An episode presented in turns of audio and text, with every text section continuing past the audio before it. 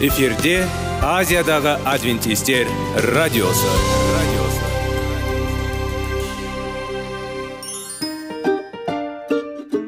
Сәлем достар. Денсаулық өмір бұлағы және біздің бірінші байлығымыз демекші денсаулық сағаты рубрикасына қош келдіңіздер. Біздің рубрикада біз әртүрлі факторларменен мәліметтерменен кеңестерменен бөлісіп шын жүректен сіздердің дендеріңіз сау болғанын қалаймыз. Сол үшін біздің рубрикаға қош келдіңіздер. Дайындалып тұрыңыздар. Өйткені келесі минуттарда қызықты фактілерге ие боласыздар. Енді достар ең бірінші байлығымызды қолымызға алып алға кеттік.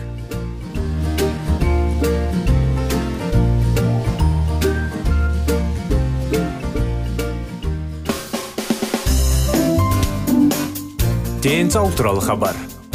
Денсаулықтың ашылуы. Күн сайын сөз үшін күшті кеңестер соңғы жаңалықтар қызықты факторлар. Біздің рубрикада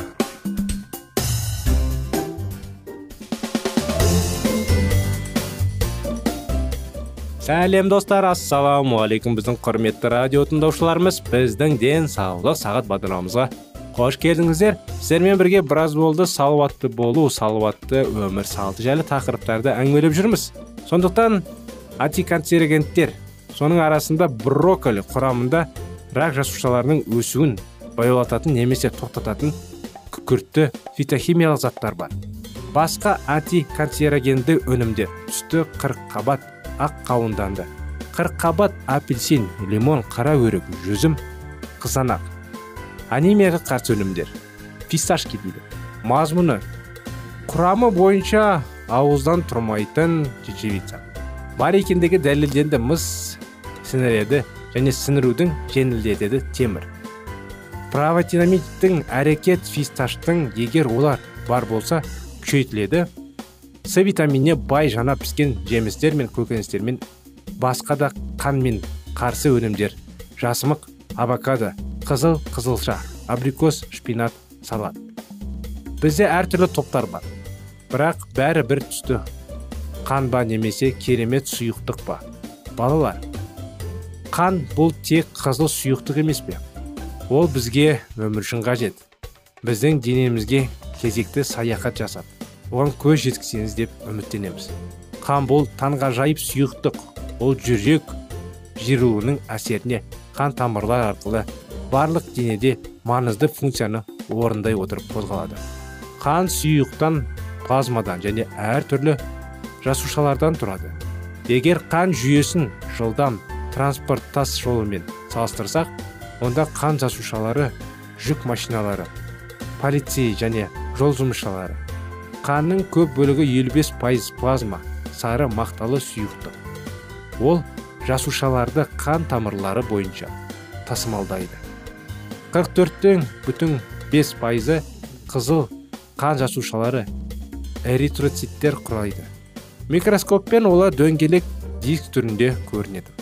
Олардың міндеті тасымалдау. Кішкентай жүк бичкаларға ұқсас. Олар оттегі мен кейбір қоректік заттардың ағзалары мен ұлпаларға жеткізеді. Ал керісінше көмір қышқыл газының алып кетеді. Шанақ. Көлігінде ерекше ақауыз гемоглобин. Ол оттегі мен көмір қышқыл газының тасымалдайды. Оттегі мен әлсіреу кезінде гемоглобин жарқын қызыл ақ қызыл түске ие болады. Оттегі эритроциттер шығып тінге сіңсе гемоглобин қара қызыл болады. Сондықтан қызыл қан. Қалған 0,5 пайыз лейкоциттер мен тромбциттерді өзара бөледі. Лейкоциттер ақ қан жасушалары денеде полицейлердің рөлін атқарады. Егер ағзаға бөтен заттар немесе микробтар кірсе кішкентай ыдыс аяқтар біріндеп қоршап оларды жояды. Бұл көптеген аурулардың алдын алуға көмектеседі. Тромбцер жол жұмысшылары егер бір жерде тас жолда сынса мысалы саусақ кесіліп немесе тізе кесіліп тромбоциттер сол жерге ұмтылады және кесуді жабу және қан кетуді тоқтау үшін бірге желімделеді. Бір мезгілде басқа да қан элементтері олармен бірге жұмыс істей отырып фибрин ақауызын шығарады. Қан ұйыған қан пайда болады. Ол қабықпен қатады. Қан кетуді тоқтап жарына жазғанға дейін микробтардың енуіне кесінді қорғайды. Жоқ тромци біз өтіп кеткен еді қанмен желтоқсандағы енді осы рапина. Неге кейде біз шаншуды сезінеміз? Аяқтама. Кейде егер бір қалыпта тым ұзақ болса мысалы аяқты қысып кейбір нервтер мен ыдыстар қысылады. Қан айналымы қиындайды және аяғы аз болмайды. Сол кезде нервтер дабыл қағады. Және біз аяқ қолдың қатты қанығуын кезсеміз сезсеміз және аяқты лақтырады деп айтамыз. Қалыпты қан айналымы қалпына келген кезде шаншу өтеді. Нервтен соққыларда көтеріліп пайда болады. Бұл қара күлгін дақ немесе көгерген сияқты көрінеді. Ол уақыт өте келе түсі кірі сары. Ал бірнеше күннен кейін және мүлдем сорылады неге орнына соғылуының мұз қояды? Суықтың әсерінен сосаттар тарылады. Қан олардың әлсіз және көгерген жоқ. Неліктен мұрыннан кейде қан кетеді? Мұрынның ішінде жұқа тамырлар құпияларлар орналасқан. Капиллялар көп орналасқан. Соққыдан олар оңай зақымданды. Содан кейін мұрнынан қан ағады кейде бұл тым үлкен физикалық күшпен немесе күн соққысымен жүреді. Капиллялар өте кеңейеді бұл қан қысымның астында қалады. Неге біз қорқынышты кезде бозарамыз? Сынған кезде біздің миымыз ішкі секреция бездерінде пайда болады ерекше заттар гормонның бөлуге бұйрық береді. Гормондар қанға түседі және қан тамырларын тарылуын тудырады. Бұл қан айналымын қиындатады және тері бозарды неге біз қызыл түсеміз қан тері астында жұқа тамырлар капилляларға айналады. Біз роботты немесе мазасыздықты бастан кешкенде ерекше гормондар осы капилляларға қанның мол ағуын тудырады. Олар кеңейеді өйткені бет терісі өте жұқа. Онда капиллялар ол арқылы жарқырайды. Бет жағында румянец пайда болады екен. Неге қан тапсыру керек? Донорлар қан тапсыратын адамдар өзінің мұқтаждарлықпен бөліседі. Қан құю жарақат алған немесе операция кезіне қажет. Қан құю алдында оны әдетте фракцияларға бөледі. Эритроциттер лейкоциттер тромбоциттер плазма.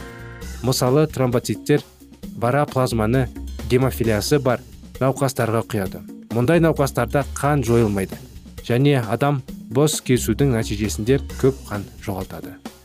Қанға келіп қалдық. Мінекей достар осындай тақырыппен. Қанды не қандай тәсіл не бұл қан деген не екенін толық анықтамасын келесі жолы білеміз. Келесі жолға дейін сау саламат болыңыздар.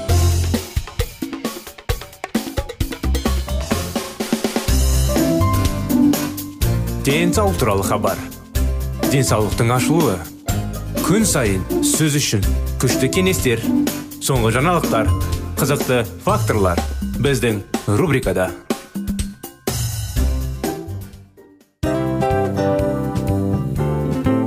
Әуелі байлық денсаулық екінші байлық он саулық үшінші байлық ақ жаулық. Ал енді осындай радио парақшадан кейін не дейміз? Барлықтарыңызға денсаулықтарыңыз зор болсын деп тілейміз. Денсаулықтың өзгеруі кішкентай нәрселерден басталады. Осымен біз берген кеңестер мен мәліметтер шын жүректен сіздер үшін қандай да бір болсын жәрдем берді деп үміттенеміз. Тыңдаушыларымызбен келесі радио парақшасына дейін қоштассамыз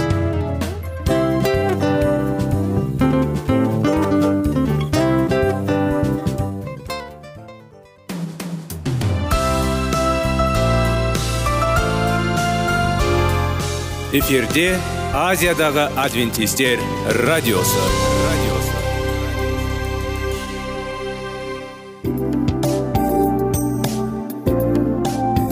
Сәлем достар. Барлықтарыңызға шын жүректен сөйлесейік рубрикасына қош келдіңіздер деп айтпақшымыз. Шын жүректен сөйлесейік бағдарламасы әртүрлі қызықты тақырыптарға арналған. Шындығында шын жүректен сөйлесейік деген сөздің мағынасы екі достың екі адамның ортасындағы шын жүрекпен сөйлесуі бір біріне сенуі ашықтық пен шындықты білдіреді. Сол үшін біздің бағдарламалар әртүрлі қызықты тақырыптарға арналған. Дайындалыңыз жаңа қызықты мәліметтерге ие болуға. Ондай болса кеттік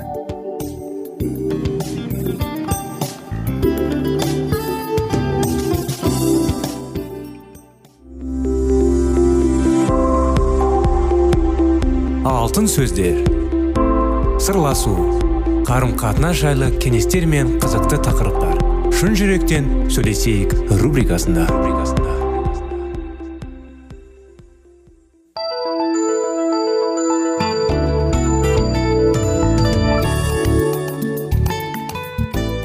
Сәлем достар. Ассалаумағалейкум біздің құрметті радио тыңдаушыларымыз біздің шын жүректен сөйлесейік бағдарламасына қош келдіңіздер. Сіздермен бірге назарларыңызға баланың жүрегіне бес қадам. Сіздің балаңыз сіздің махаббатыңыздың көрінісі ретінде қабылдайтын қарым қатынас әдісін меңгеру. Балаңыздың ана тілін үйрену қажет. Егер алдында бағдарламада айтқандай джинни қызымен түскі ас дайындауға ертерек кіріскенге дейін ойнаса мүмкін қыз оны әр бес минут сайын мазасын алмайтын еді. Егер бала оны жақсы көретін болса онда бұл сенімді бекіте алатын жалғыз нәрсе. Бала сіздің назарыңызды аудару үшін барлық нәрсеге барады. Сіздің балаңыз басқа қарым қатынас тілін жақсы түсінеді ол сізбен жиі болу керек. Ол тек анасы мен әкесі оған назар аудару үшін ғана теріс қылықтар жасай алады. Жазаланғаннан гөрі жазаланғаны жақсы. Соңғы онжылдықта толық емес отбасылар саны өсуде. Ал толық отбасында әкесі мен анасы үйге қарағанда жұмысқа көп уақыт жұмсайды. Көптеген балалар тіпті ата аналары олардың шын мәнінде жақсы көретін болса да көңілдің жеткіліксіздігінен зардап шегеді. Олар өз аналарына қажет. Оларды жақсы көретіндеріне сенімсіз өмір сүреді. Егер мұндай балаларға уақыт бөлмесе ол пайда болатын осы қорқынышты сезімді өз бетінше шеше алады. Бірге уақыт өткізу бұл балаға барлық көңіл бөлу. Ол кішкентай кезде ата аналары оны қамқорлық пен ілтипатпен қоршайды. Оны тамақтыранды киінеді киіндіреді кім күн бойы баланың жанында біреу бар. Егер анасы мен әкесі өз істері бойынша кетіп қалса да ата анасы әжелері және басқа да туыстары баламен қалады. Бала өсіп онымен уақыт өткізіп оған көңіл бөлу қиынға соғады. Ата аналарға көптеген құрбандық шалуға тура келеді. Масқалау немесе оларды көңілдерін көтеріп қайда оңай болады. Барлығымызға уақыт жетіспейді. Баламен болу үшін бізге басқа істерді кейінге қалдыру керек болуы мүмкін. Бала жиі біз ата аналар ауызша және тітіргенге кезде өзіне назар аударады талап етеді. Есіңізде болсын уақыт бұл сіздің балаға сыйлық. Сіз оған сен маған керек дегеніңіз. Маған сеніммен болу ұнайды. Сонда бала қажет екенін сезінеді. Ол сіздің махаббатыңыздың сезінеді. Өйткені сіз толығымен оған тиесілісіз ол бала екенін ұмытпаңыз. Сіз оның даму физикалық және эмоциялық деңгейіне ескеруіңіз керек. Ол жүгіріп үйренеді. Сіз оның жанында еденде отырасыз. Ол алғашқы қадамдар жасайды. Сіз оған қолдау. Ол құмға айналады. Доп ойнайды. Сіз әлі де онымен болу керексіз. Оның әлемі жылдар бойы кен болады. Мектеп сабақтар шіркеу спорт және сіз әрқашан онымен бірге жүруіңіз керек. Бала үлкен болса соғырым қиын. Әсіресе егер ол бір емес болса және әрбір бала үшін уақыт табу керек. Бірге. Біз баламен уақыт өткізгенде біз немен айналысқанымыз маңызды емес. Ең бастысы біз біргеміз. Әкем сені сүйеткенін қайдан білсін? Жеті жасар натан жауап берді. Ол жырма мені жақсы көреді. Өйткені ол әрқашан менімен. Біз баскетбол ойнаймыз. Менің машинам бар. Ол тіпті мені өздерімен бірге шаштарызға алады. Баламен болу үшін ерекше ойын сауық ойлап табу міндетті емес. Сіз немесе бірге айналасаңыз да оған көңіл бөліңіз. Ең жемісті уақыт сіз үйде болғанда ұлымен немесе қызымен оңаша өткізген уақыт. Әр балаған уақыт табу оңай емес. Бірақ өте маңызды. Естеріңізде болсын сіз бөгде бақылаушысыз сіз бала тәрбиесіне белесенді түрде қатысуыңыз керек. Бұл сіздің назарыңыздың талап етеді. Көптеген отбасында бала әкесімен салыстырғанда теледидармен көп уақыт өткізеді. Балалар көбінесе сыртқы әсерлерге әсер етеді. Ата аналар оны бақылауды ұстауы керек яғни балаларға көп уақыт берілу керек. Кестені дұрыс жасау үшін жұмыс істеу керек. Күш пен уақытты аямаңыз. Сіз оларды балашаққа балаларға өз табысыңызға саласыз. Әр балаға уақыт табыңыз. Егер сізде бір бала болмаса әрқайсыңыз уақыт табу керек. Оңай емес бірақ мұны істеу мүмкін. Он бала тәрбиелеп отырған сюзаннан юсилге мысал келтіріңіз. Ол маңдай кестесін құраған. Мен әңгімелескен әрбір онаша бойынша аптасына. Оның үш ұлы сэм джон және чарльз ақын және уағыздаушы болады. Чарльз бірнеше шіркеу әнұрандарын жазады. Ол әлі күнге дейін классика деп саналады. Ол оларды оқуға және жазуға үйретіп қана қоймай оларды жақсы мәнерге сыпайылық пен ұстамдылықтар үйретті. Әйелдерге оқуға мүмкіндік болмаған кезде англия мың жүзінші жыл дана ана қыздарға жақсы білім бере алады. Оның қызы эмилия мұғалім болды. Сюзанна юслидің бала тәрбиесіне қатысты кейбір идеялар дауы алайда оның әр балаға лайықты таңдауға уақыты табу. Мұны істеу үшін сіз шешуге біз сіз үшін маңыздымыз. Бір бірін көзге қараңыз. Сіз бірге болғанда баланың көзіне жиі қарауға тырысыңыз. Қайырымды көзқарас сізге махаббат туралы шынайы айтуға мұны жүрекке жеткізуге көмектеседі. Зерттеулер көрсеткендей ата аналар негізінен жаза ретінде көзқарасты қолданады. Немесе балаларды ұрған кезде немесе тәлім берген кезде. Балаға сүйіспеншілікпен және нәзіктікпен жиі қарауға тырысыңыз. Егер сіз оған қарап жатсаңыз ол тыңдалғанда және күлкілі болмаса сіз тұзаққа түсесіз. Ол сіз оны әрдайым жақсы көрмейді. Бұл балаға нашар әсер етуі мүмкін. Ол сіздің орналасқан жерде сенімді болу үшін сіздің махаббат сөзсіз болу тиіс. Және мейірімді көзқарас сізге көмектеседі. Кейде үйде біреуді ұрған соң біз жазалауға тіпті оған көзқарасымыз жоқ. Бұл қатал сіздің жұбайыңыз немесе балаңыз мүнде өтінішті ешқашан ұнатпайды. Балалары әсіресе оған сезімтал егер сіз оларды көрмесеңіз олар мұны жансыздық ретінде қабылдайды және азырақ өзіне құрмет жоғалтады. Мінекей құрметті достар осыны анықтама бүгінге. Бағдарламамыз өкінішке аяғына келді. Келесі жолға дейін сау болыңыздар.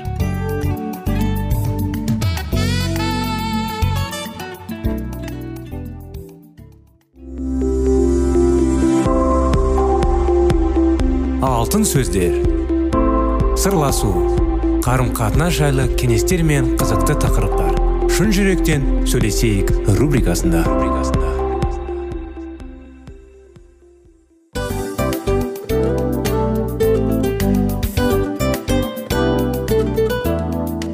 Құрметті достар барлық ең соңғы кеңестер аяқталған соң біздің программамыз соңына келіп қалды.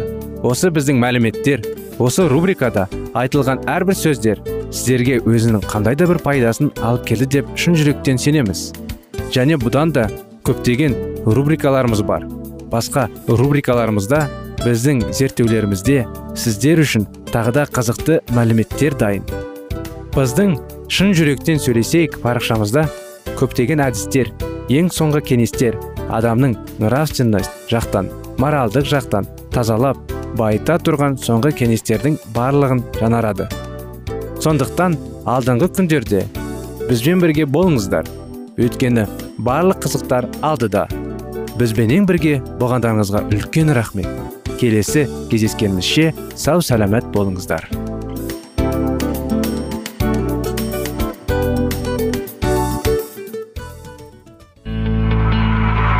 Жан дүниеңді байытқан жүрегіңді жаңғыртқан өмірдің мағынасын ойландырған рухани жаңғыру. Рубрикасы.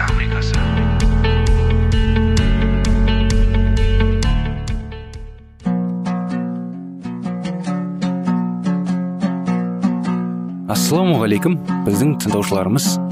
Келі кітаптың шындығын ашып берген қысқа бағдарламасына қош келдіңіздер.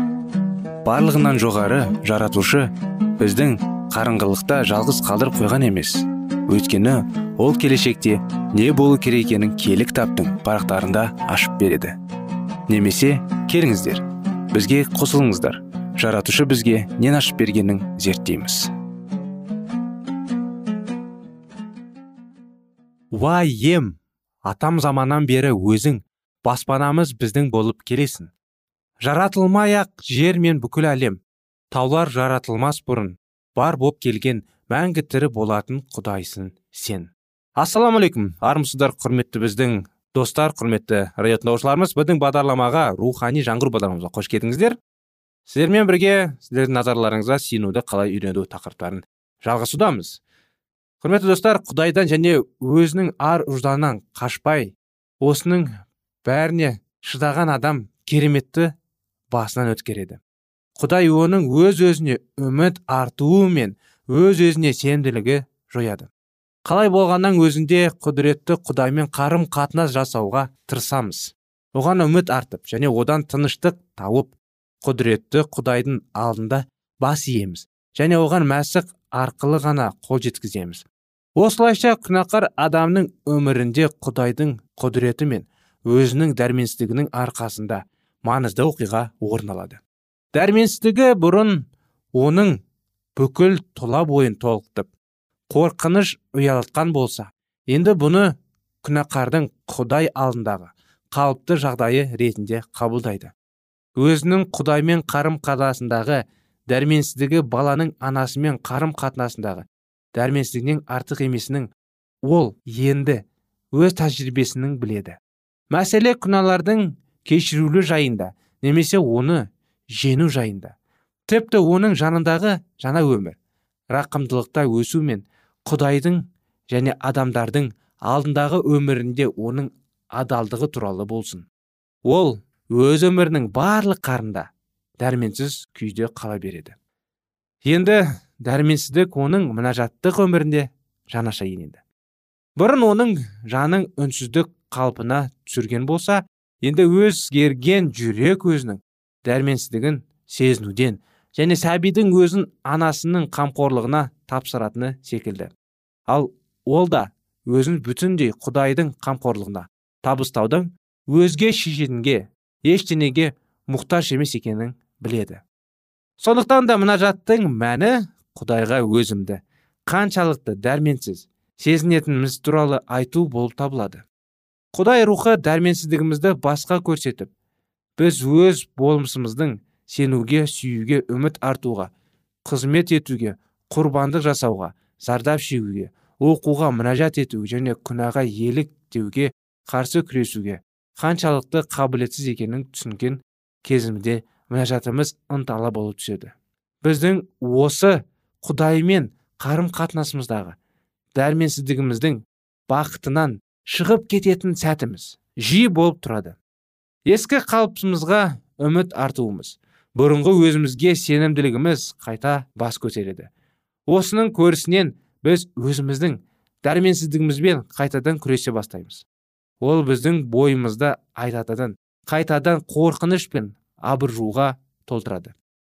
Біз үшін бір бұлыңғыр болады.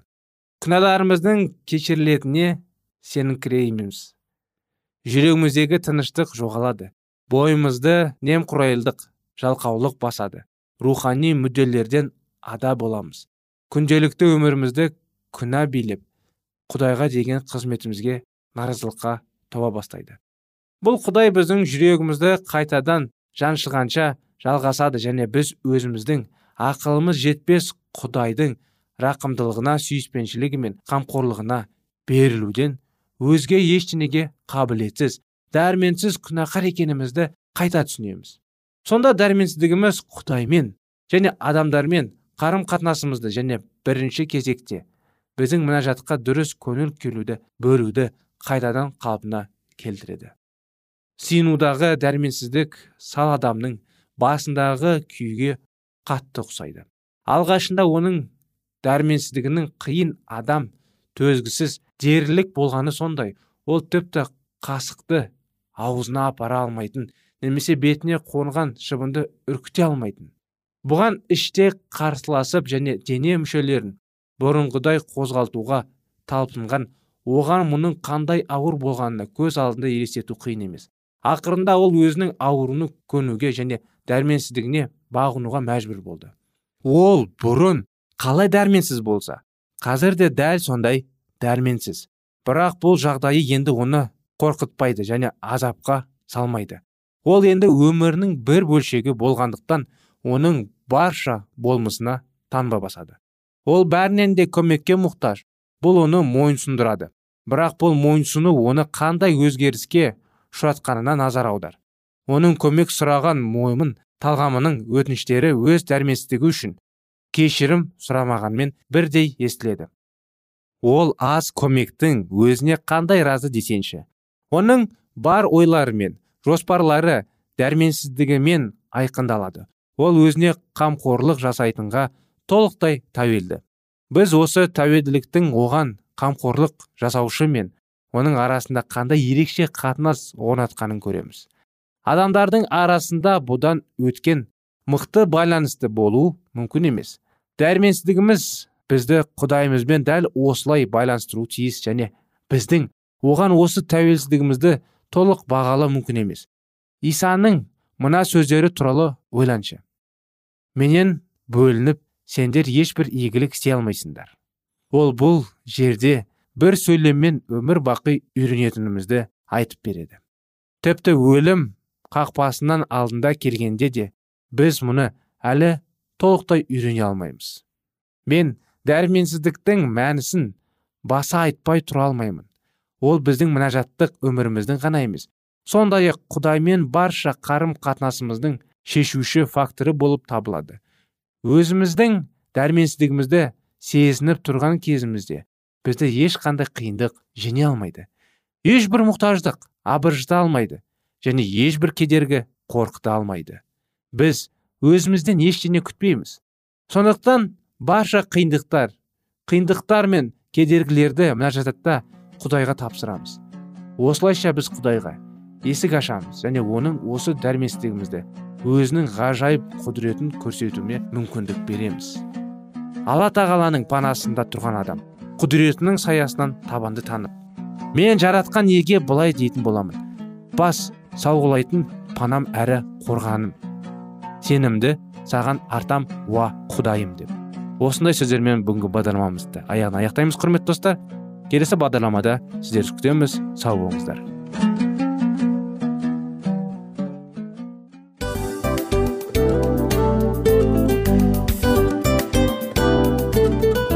Осымен достар программамыздың зерттеуіміздің ең қайғылы минутына жеттік. Қайғылы дегенде бағдарламамыз тез арада өтті де кетті. Соған көңіліміз түсейін деп тұр. Жарайды қайғыны қояйық бүгінгі 24 сағаттың алтындай жарты сағатын бізге бөліп арнағаныңыз үшін рахмет. Егер де өткен сфераларда пайдалы кеңес алған болсаңыз біз өзіміздің мақсатымызға жеткеніміз. Тыңдаушыларымызбен қоштасу уақыты келді. Келесі кездесулерді сағынышпен күтеміз. Жарты сағатты кездесуіміз көз ашып шапқанша дем арасында өтіп кетті. Бірақ бізде жақсы хабар бар. Келесі зерттеулерімізде сөзсіз кездесеміз. Өйткені көптеген сюрприздер қызықты мәліметтерді және керекті нәрселерді көбін дайындадық. Бүгінгі күндеріңіз өзгеше позитивті болсын. Жақындарыңыз аман есен болсын деп тілейміз. Жаратқан ие барлықтарыңызға батасын берсін. Істеген істеріңіз игілікті болсын. Келесі кездескенше сау саламат болыңыздар. Достар біздің бағдарлама бойынша сұрақтарыңыз болса әрине сіздерге керекті анықтама керек болса біздің whatsapp нөмірімізге хабарлассаңыздар болады. Плюс бір үш жүз бір жеті жүз алпыс алпыс жетпіс. Иә достар сіздер қателеспедіңіздер бұл біздің номерлерге ұқсас болмаса да бұл whatsapp номер арнайы. Хабарласыңыздар сұрақтарыңызды қойып тұрыңыздар. Анықтаманы алып тұрыңыздар. Плюс бір үш жүз бір жеті жүз алпыс алпыс жетпіс whatsapp номері